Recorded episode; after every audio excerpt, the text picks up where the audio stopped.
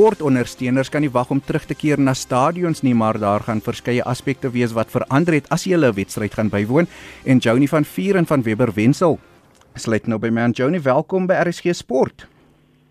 Middag Jody en baie dankie vir die uitnodiging. Middag ook aan al die luisteraars. Kom ons gesels, hoe het 'n besoek aan 'n sportstadion 'n regskwessie geword eerstens? Dit is 'n interessante vraag wat jy daarso vra en ehm um, dit vat nog 'n redelike ompad om by die antwoord te kom en ek moet julle vertel van die die wet op beroepsgesondheid en veiligheid wat 'n 'n 'n hmm. plig plaas op 'n werkgewer om te verseker dat die werksplek nie net vir hulle werknemers veilig is nie, maar ook vir enige persoon wat die werksplek besoek. En die werksplek is is so breed gedefinieer dat dit enige plek waar 'n werknemer 'n 'n taakie verrig kan insluit. En so sal 'n stadion dan nou ook 'n werksplek wees. En so moet elke moet elke stadion eienaar of die ehm um, die beheerende liggaam verseker dat alle alles ehm um, veiligheidsmaatreëls in plek is om te verseker dat die dat die werksplek op die stadion nou uh, 'n veilige plek is vir die toeskouers. En uh, COVID-19 is natuurlik verantwoordelik vir al die nuwe reëls en regulasies. Yes, jy's reg. So, alhoewel ons nog nie ehm um, toeskouers by sportbijeenkomste toegelaat kan word nie, moet sekere gesondheid en veiligheidsvereistes steeds nagekom word. Dit sal nou wees in opsigte van die spelers, die wedstrydbeamptes en die media. Um, met baie lande se inperkings wat verslaap word en um, so ook om ons dan nader aan die cricketwedstryd of 'n tennistoernooi bywoon. Maar ehm um, daar soos wat jy sê daar gaan sekere ehm um, maatreëls in plek wees en so kyk ons nou na die wêreldgesondheidsorganisasie wat vir ons leiding gee hierso. En ons kyk na die risiko's wat geassesseer moet word by 'n byeenkoms en ehm um, en wanneer die byeenkoms beplan word. Ons moet kyk na die oorkoepelende risiko van die groot byeenkoms, die risiko van drastiese toename van die verspreiding van COVID-19 by die byeenkoms, die verwagte addisionele druk op die gesondheidstelsel hmm. en of die gesondheidstelsel of, of die gesondheidsamptenare en organiseerders van die byeenkoms die risiko kan voorkom of beheer.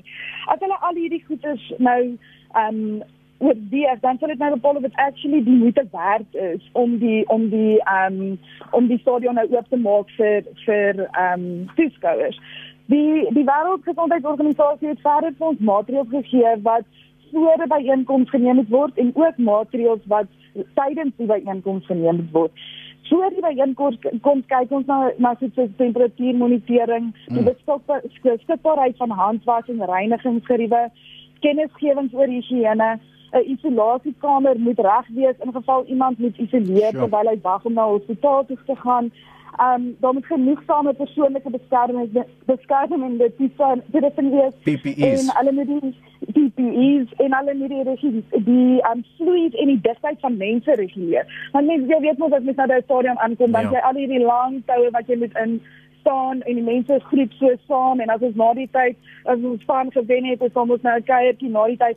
Al daai al daai gewone goedjies gaan verander. Ons gaan met social distance ons gaan moet kyk dat ehm um, die die organiseerders gaan kyk na die stadion die die kapasiteit die mense kan dra en dan seker maak dat hulle die die, die maksimum kapasiteit verminder om om met regulasies in, in te pas en hulle moet ehm um, maatreëls in plek hê vir kontakopsporing na die tyd indien hulle in kennis gestel word van 'n positiewe geval by die byeenkoms. Ehm um, dis daar daar daar ek die lys. Nee, dis baie interessant en ek wil nog 'n paar aspekte met jou bespreek. Dis die stem van Joni nee. van Vier en sy se prokureur of 'n uh, ja by Weber Wensel. Ehm um, jy het nou gepraat oor die kapasiteite, byvoorbeeld Soccer City wat 90000 mense kan vat. Hoe gaan hulle dan bepaal hoeveel mense of hoeveel toeskouers om by so 'n stadion toe te laat Joni? Soos wat ek jou gesê het, gaan hulle die wesenlike risiko's moet assesseer. En hulle gaan moet kyk na as hulle nou 90000 mense in in hierdie in hierdie stadion het, gaan hulle moet kyk na die vloeroppervlak en hulle gaan dieselfde tipe van ehm um, maatreëls instel as by gewone werksplekke. Op die oomblik mag ons op 50% kapasiteit hê. So ek voel en dit is nie dis nie 'n uh, eh, die wet of of enige iets is dis nie ehm um, dit is nie, maar ek voel ons seker op 50% kan ingaan as hulle dan vandag toelaat en dan sal hulle moet kyk na ehm um, na die sitplek allokering en ons sal almal op 'n spesifieke sitplek moet gaan sit sodat hulle seker maak dat die 1.5 na 2 meter afstand is aan elke toeskouer. Ehm um, so dan dan gaan dit ook die die van die finansiële deel waarvan vir die, ja. die organiseerders gaan hulle ook dan in ag moet neem. Gaan dit e-, eintlik die moeite werd wees om die stadion oop te maak vir toeskouers? Van toeskouers uh, dra groot ekonomies maak 'n groot ekonomiese bydrae tot 'n sportbyeenkoms verseker. Ehm um, dit is dit is behalwe vir die verborge is dit seker die grootste bron van inkomste vir vir die vir die ehm um, die events. Ja, my, die organiseerders ja. Yes.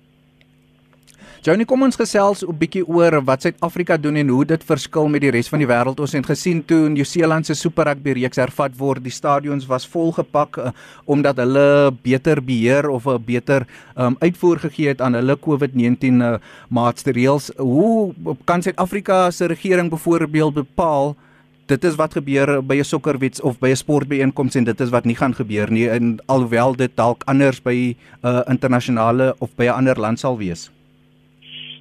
Suid-Afrika, ons het ons het baie wetgewing en ons het 'n nuwe 'n nuwe stuk wetgewing is in 2010 net vir die sokker wêreldbeker is gepromoveer. En die ehm um, die stuk wetgewing plaas plaas 'n plig op op sport of by inkomsorganiseerders om 'n skedule in te gee by die kommissaris van polisie. En die kommissaris van polisie eh, hierdie skedule moet allerlei ehm um, faktore in hê. Dit dink ons sou die lys gaan tot by O, letter O van die al alfabet.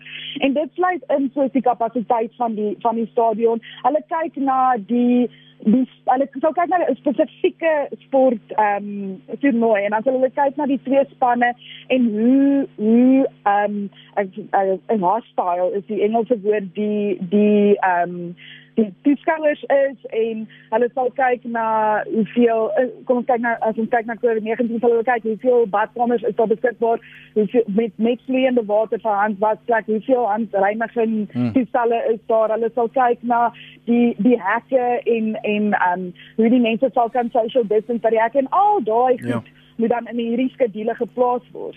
En die kommissaris van polisie kyk dan daarna en dan plaas hy die die hy of sy die ehm um, die die event in 'n uh, in 'n risiko ehm um, kategorie en dit sou nou wees of lae of medium of hoë risiko. Hoe laer die risiko, hoe minder sekuriteitsmaatreëls en veiligheidsmaatreëls in open plek te wees en hoe hoër die risiko, hoe meer. So dit dit is maar alles so so meeste van ehm um, Suid-Afrikaanse wetgewing kyk ons maar nou elke saak op sy eie meriete. En dan natuurlik, ek dink dit was maar nou net sekerlik die maklike opsie vir uh, baie sporte, organisasies en verenigings is om uh, die wedstryd te hê maar met geen toeskouers nie en ek dink uh, byvoorbeeld rugby het hulle gesê 169 mense maksimum wat by die wedstryd betrokke kan wees op wedstryddagge wat verskeie dienste gaan verrig. Ja, so en ek, ek dink dit is oor die algemeen is die is die kultuur in Suid-Afrika om eerder baie risk averse te wees en om seker te maak dat ons eerder die risiko verwyder as wat ons probeer om maatreëls in plek te hmm. sit as ons nie eintlik seker is of ons die ehm um, die risiko gaan kan kan wegvat nie. En daar daar voel ek is dit 'n goeie ding dat die dat die stadion toe was aanvanklik net soos die aanvanklike lockdown nodig was maar soos wat ons vorentoe beweeg en hoe ons meer leer oor COVID-19 en hoe hy versprei en hoe hy hoe sy verspreiding beperk kan word so ook kan ons al hoe meer mense toelaat in in stadions. Wat beteken al die reëls en regulasies om 'n wedstryd by te woon vir media dekking en vir al 'n radio en televisie? Sjoe. Ja, dit is ek dink dit is maar dieselfde. Ek ek het nog nie presies daaraan gedink nie, maar dit is maar dieselfde. Die die media sal na die dieselfde maatreëls moet nakom. Hulle sal hulle PPE moet dra, hulle sal hulle hande moet was, hulle gaan nie te naby kan gaan as hulle ehm um, kommente of kommenteer nie of as hulle ehm um, onderhoude voer nie. Ons het nou al gesien ehm um, by by byvoorbeeld die die golf ehm um, toernooie staan die mense redelik ver van die spelers af die die ehm um, onderhoude word word met 'n redelike distansie tussen die twee ehm um, deelnemers ge ehm um, gevoer. So dit is ook maar allerhande sulke tipe van maatreëls wat in plek gaan moet wees by die stadion wat dan die media ook sal sal moet volg. En uh, hoe as ons praat oor die ekonomiese volhoubaarheid van uh sportbyeenkomste, wat beteken dit alles vir uh, sportverenigings vir die man op die straat wat graag 'n wedstryd wil bywoon? Want as daar nie toeskouers is die en daar nie geld inkom nie, hoe volhoubaar is dit in, in veral in 'n tyd van COVID-19 waar die ekonomie sukkel? Joanie Ek dink ek dink die, die, dit is dit is maar 'n sukkel vir vir alle areas, nie net vir die sport nie, maar vir al dit is nou veral moeilik vir die sport omdat die meeste van hulle van hulle geld ingekom het van die van die ehm um, toeskouers. En ek dink dit is een van die faktore wat in ag geneem word met die besluit om om stadions te heropen. Want jy's reg ek dink dit is volhoubaar nie. En wat is jou boodskap aan toeskouers wat graag 'n rugby, 'n cricket of 'n sokkerwedstryd wil bywoon? Opgewonde as wat ons almal is en glo my ek is self opgewonde om weer terug by 'n by 'n cricketwedstryd of so te wees. Um ons gaan net veilig wees en aan die einde van die dag is dit ons eie plig om seker te maak dat ons veilig veilig is en gesond bly. En dan Johnny my laaste vraag. As ons praat van ons tans op vlak 2 ek weet die rugby spanne begin volgende week vol kontak weer te oefen. Die sokkerwedstryde is uh, aan die gang hier in Suid-Afrika. Hoe lank voorspel jy nog gaan uh, die COVID-19 regulasies en die tipe gesondheidskwessies wat by 'n stadion nou toegepas gaan word nog met ons wees vir so lank as wat COVID-19 met ons is. Dit is dit is ongelukkig die antwoord wat aan almal almal gegee word. How long is a piece of string? Um totdat daar nie 'n uh, 'n vaksin is of een of ander oplossing vir die situasie, gaan ons maar met hierdie maatreëls met saamleef en so gaan ons almal maar met aanpas daarbey.